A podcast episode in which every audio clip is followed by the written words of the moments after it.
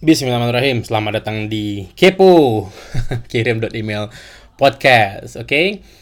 Uh, saya Fikri. Uh, dalam beberapa episode ke depan saya mungkin tidak sendirian ya. Saya mungkin bareng Galih uh, tim marketingnya kirim email ya yang sama-sama bareng saya dan tim itu ada di dalam kirim email ya. Uh, kirim email adalah layanan email marketing yang kami desain khusus untuk pebisnis di Indonesia seperti Anda ya. Jadi uh, silakan Anda coba dulu free trial silahkan ke kirim.email untuk melakukan percobaan. Free trial 9 hari ya. Kalau nggak cocok Anda bisa berhenti. Kalau cocok ya kita ada penawaran bagus ya untuk Anda ya. Oke? Okay? nah uh, saya akan mulai kepo ini dengan why. Kenapa? Ya. Kenapa podcast? Kenapa repot-repot bikin podcast? Kenapa repot-repot menyediakan waktu untuk rekaman seperti ini? Apakah ini untuk jualan? And so on and so on. Saya akan uh, berusaha menjelaskan sama anda di episode kali ini kenapa Itulah kenapa di episode ini dan mungkin beberapa episode ke depan saya akan sendirian ya. Setelahnya mungkin saya akan bareng tamu yang saya undang atau bareng Gali dan bareng uh, banyak orang mungkin ya insya Allah ya. Kalau uh, saya mohon doanya podcast ini bisa panjang ya. Uh, saya belajar uh, dari podcast saya yang lama ya podcast saya pribadi yaitu uh, radio kajian bisnis online ya radio radiokbo.com ya huruf k huruf b huruf o silahkan buka radiokbo.com masih ada dan insya Allah masih akan terus saya perpanjang. Ya walaupun sudah tidak saya update lagi. Tapi semua materi masih bisa anda dengar. Ada sekitar 140-an episode di sana ya. Nah dari situ saya belajar banyak hal. Dan saya akan berusaha mengimplementasikan semua yang saya pelajarin itu ke Kepo ya. Podcast kami yang baru saya kali ini harus bilangnya kami karena kalau radio KBO saya sendirian saat itu memulainya sekarang saya memulai bareng tim. Ya insya Allah uh, materi-materinya tema-temanya akan lebih bagus dan Anda lebih nyaman mendengarnya ya. Karena kali ini akan diediting secara profesional, akan dikemas secara profesional sehingga sangat memudahkan untuk Anda mendengarnya, oke? Okay? Uh, eh, oke, okay, kembali lagi ke kenapa ya. Kenapa saya atau kami atau ya saya dengan tim gitu ya repot-repot bikin podcast gitu loh. Ya karena saat saya rekam ini sudah ada juga beberapa pebisnis online yang lain teman-teman saya ya yang juga sudah punya podcast di mana saat kemarin saya mulai itu podcast di Indonesia mungkin sedikit banget sekarang sudah sudah banyak ya alhamdulillah ya sudah mulai bermunculan alhamdulillah ya. Oke yang pertama tentu saja saya melihat Indonesia butuh ekosistem ya. Ekosistem yang akan mendorong bertumbuhnya uh, pengusaha. Kalau kita lihat angka pebisnis di Indonesia itu sangat kecil ya. 0, uh, berapa sih? 3 eh maaf 3,1 persen itu dia itu data dari uh, Kementerian Perindustrian ya 3,1 persen ya jadi dari dari 100 orang hanya tiga orang yang jadi pengusaha, which is sangat kecil dibandingkan dengan negara-negara seperti Amerika yang 12% dan China yang sekitar segitu juga ya 10-11% gitu loh, sangat sangat tinggi ya.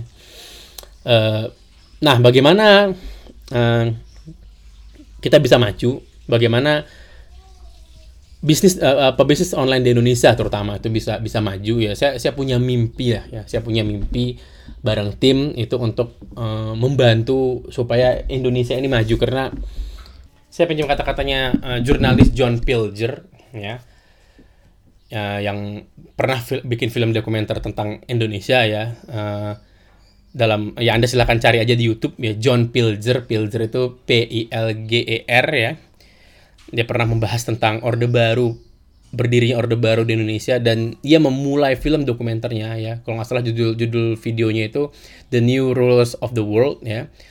Uh, itu video yang sangat bagus sekali video tahun 2002 kalau nggak salah ya. Jadi dia bahas uh, ke belakang banget. Nah dalam video itu John Pilger membuka video dokumentasinya dengan kalimat yang saya ingat sampai sekarang. Inilah Indonesia inilah negara yang tidak seharusnya miskin gitu loh. Itu kalimat yang yang ber, mengakar banget di kepala saya sampai sekarang gitu loh. Ya inilah Indonesia dan inilah negara yang tidak seharusnya miskin. Ya mungkin ya mungkin yang ya dia dia ucapkan tidak persis seperti itu tapi yang saya ingat seperti itu ya. Ada ada kalimat inilah negara yang tidak seharusnya miskin gitu loh ya. Nah saya percaya sebagai pengusaha kita harus tanggung jawab sama semua hal yang terjadi dalam diri kita ya. Termasuk ya saat misalnya kita bilang lah Indonesia walaupun kita bilang dimiskinkan sama uh, segelintir pihak gitu ya. Saya nggak mau menunjuk sana menunjuk sini. Oh ini gara-gara apa nih? Ini gara-gara uh, negara A negara B yang bikin Indonesia kayak gini. Saya nggak mau. Saya uh, daripada saya menyalahkan saya memilih untuk berdiri ya daripada saya mengutuk kegelapan kita bagus sama-sama menyalakan cahaya gitu ya. Walaupun cahayanya kecil ya saya tahu ilmu saya nggak seberapa saya tahu uh, bisnisnya juga masih kecil gitu ya. Lagi mau besar tepatnya insya Allah mudah-mudahan saya mohon doanya ya.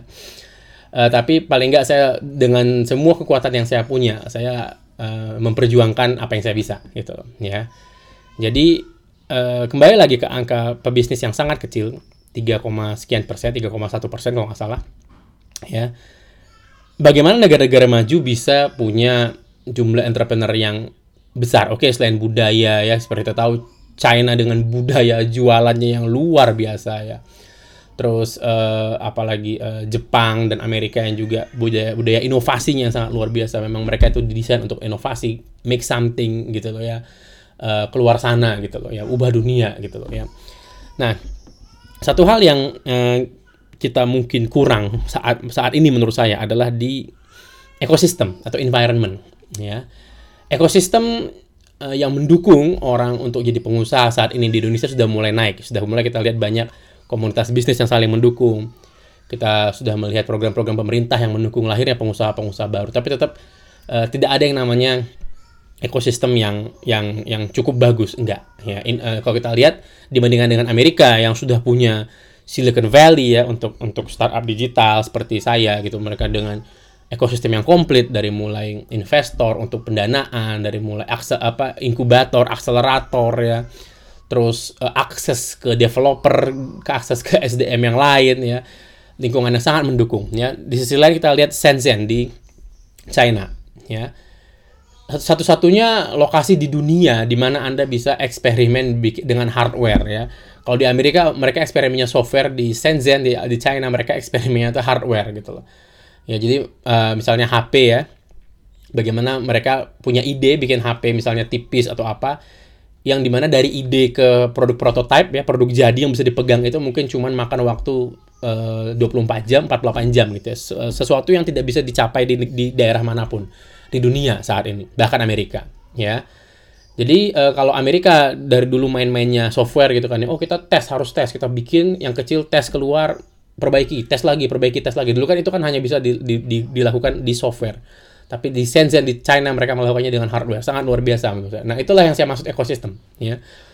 Ekosistem ini yang saya lihat masih belum semateng itu di Indonesia, ya. Jadi karenanya salah satu yang me, me, me, yang ada di dalam ekosistem adalah edukasi, pendidikan. Ya, di mana orang share pengalaman, mentorship, apa pun istilahnya, pokoknya ada transfer knowledge, ada perpindahan pengetahuan dan pengalaman dari satu orang ke orang yang lain, orang yang banyak ya. Itu yang banyak terjadi di Silicon Valley.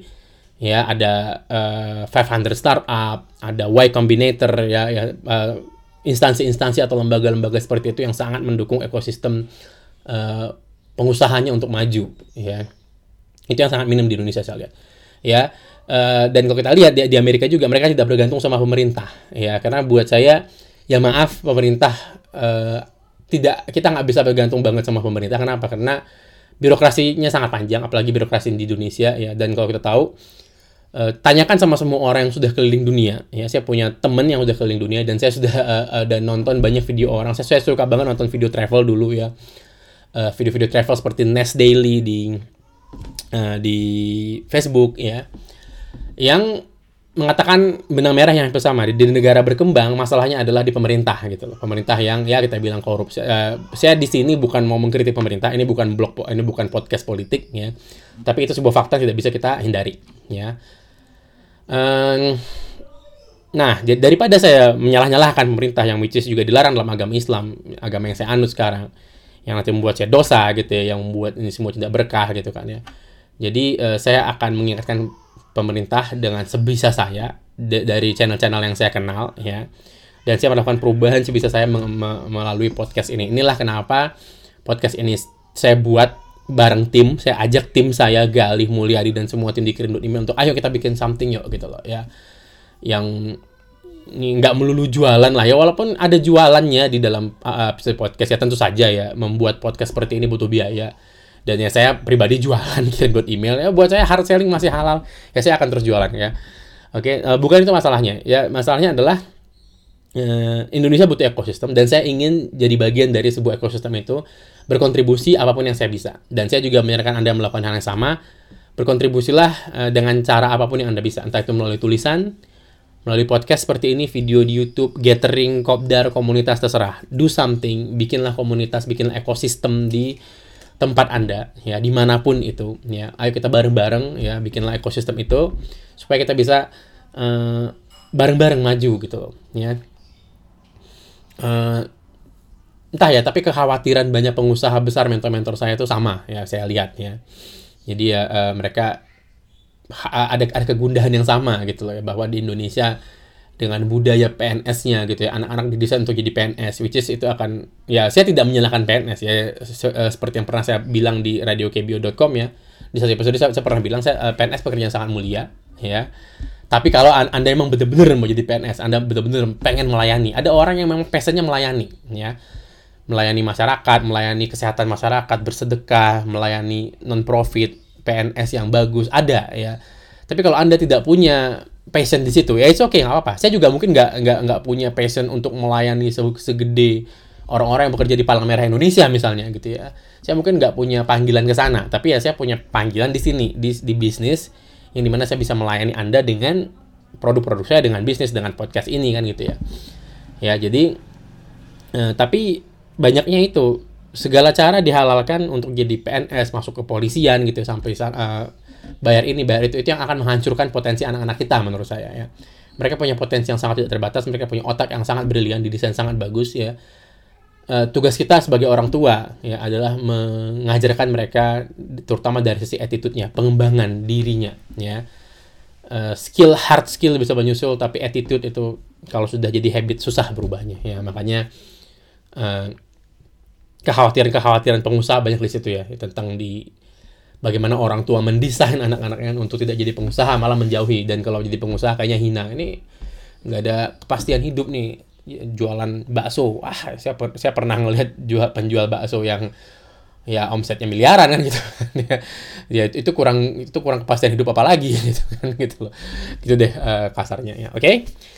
itu dia alasan saya kenapa bikin eh, kepo. Maaf kalau agak berat tapi ini harus saya keluarkan. Ini penting buat saya ya ini penting buat kirim dot email ini penting buat kami di dalam kirim dot email bahwa kita harus melakukan sesuatu ya do something yang bisa membantu ekosistem uh, bisnis di Indonesia jalan gitu ya itulah alasan yang mendasar juga kenapa saya bikin kirim dot email ya supaya anda bisa punya sumber traffic sendiri supaya apalagi supaya membangun ekosistem lagi ya uh, membangun ekosistem pengusaha ini bagian dari mimpi saya, bagian dari mimpi tim saya, bagian dari visinya kirim dot email ada di dunia ini ya. Karenanya kepo ini walaupun namanya aneh ya kepo ya kirim dot email podcast itu singkatan ya. Walaupun namanya terdengar tidak serius tapi insya Allah kita di sini untuk uh, sebuah misi yang serius, kita di sini untuk sebuah tujuan yang serius. Dan insya Allah dalam beberapa episode ke depan saya akan share semua yang saya tahu, pengalaman yang saya alamin, dan saya akan undang sekuat tenaga orang-orang yang juga satu visi yang pengen membentuk ekosistem uh, pebisnis di Indonesia ya semoga kita semua bisa jadi pebisnis yang mandiri ya amin oke okay? Terima kasih. Ini episode pertama. Sampai ketemu di episode-episode selanjutnya. Insya Allah silahkan kunjungi ya uh, kepo.blog atau kirim email garis miring podcast ya p o d c a s t podcast ya. Itu uh, domainnya ya dan kalau anda mendengar dari websitenya di situ ada namanya timestamp. Artinya ada waktu-waktunya. Anda bisa diklik di menit keberapa anda mau dengar tema apa. Jadi anda nggak harus dengar semuanya dari awal ya Misalnya anda pengen dengar tentang menit kelima anda tinggal klik anda akan nyampe langsung ke menit kelima untuk kemudian bisa anda dengar tema apa yang ada di menit kelima oke okay? uh, kita desain podcast ini untuk menghemat waktu anda semudah mungkin ya dengan mungkin ke depannya materi-materi yang sangat aplikatif ke bisnis dan ke kehidupan lah gitu ya pengembangan hidup oke okay? saya Fikri uh, mewakili tim kirim email karena podcast ini kita saya nggak sendirian kali ini malah sebagian besar yang kerja itu tim ya.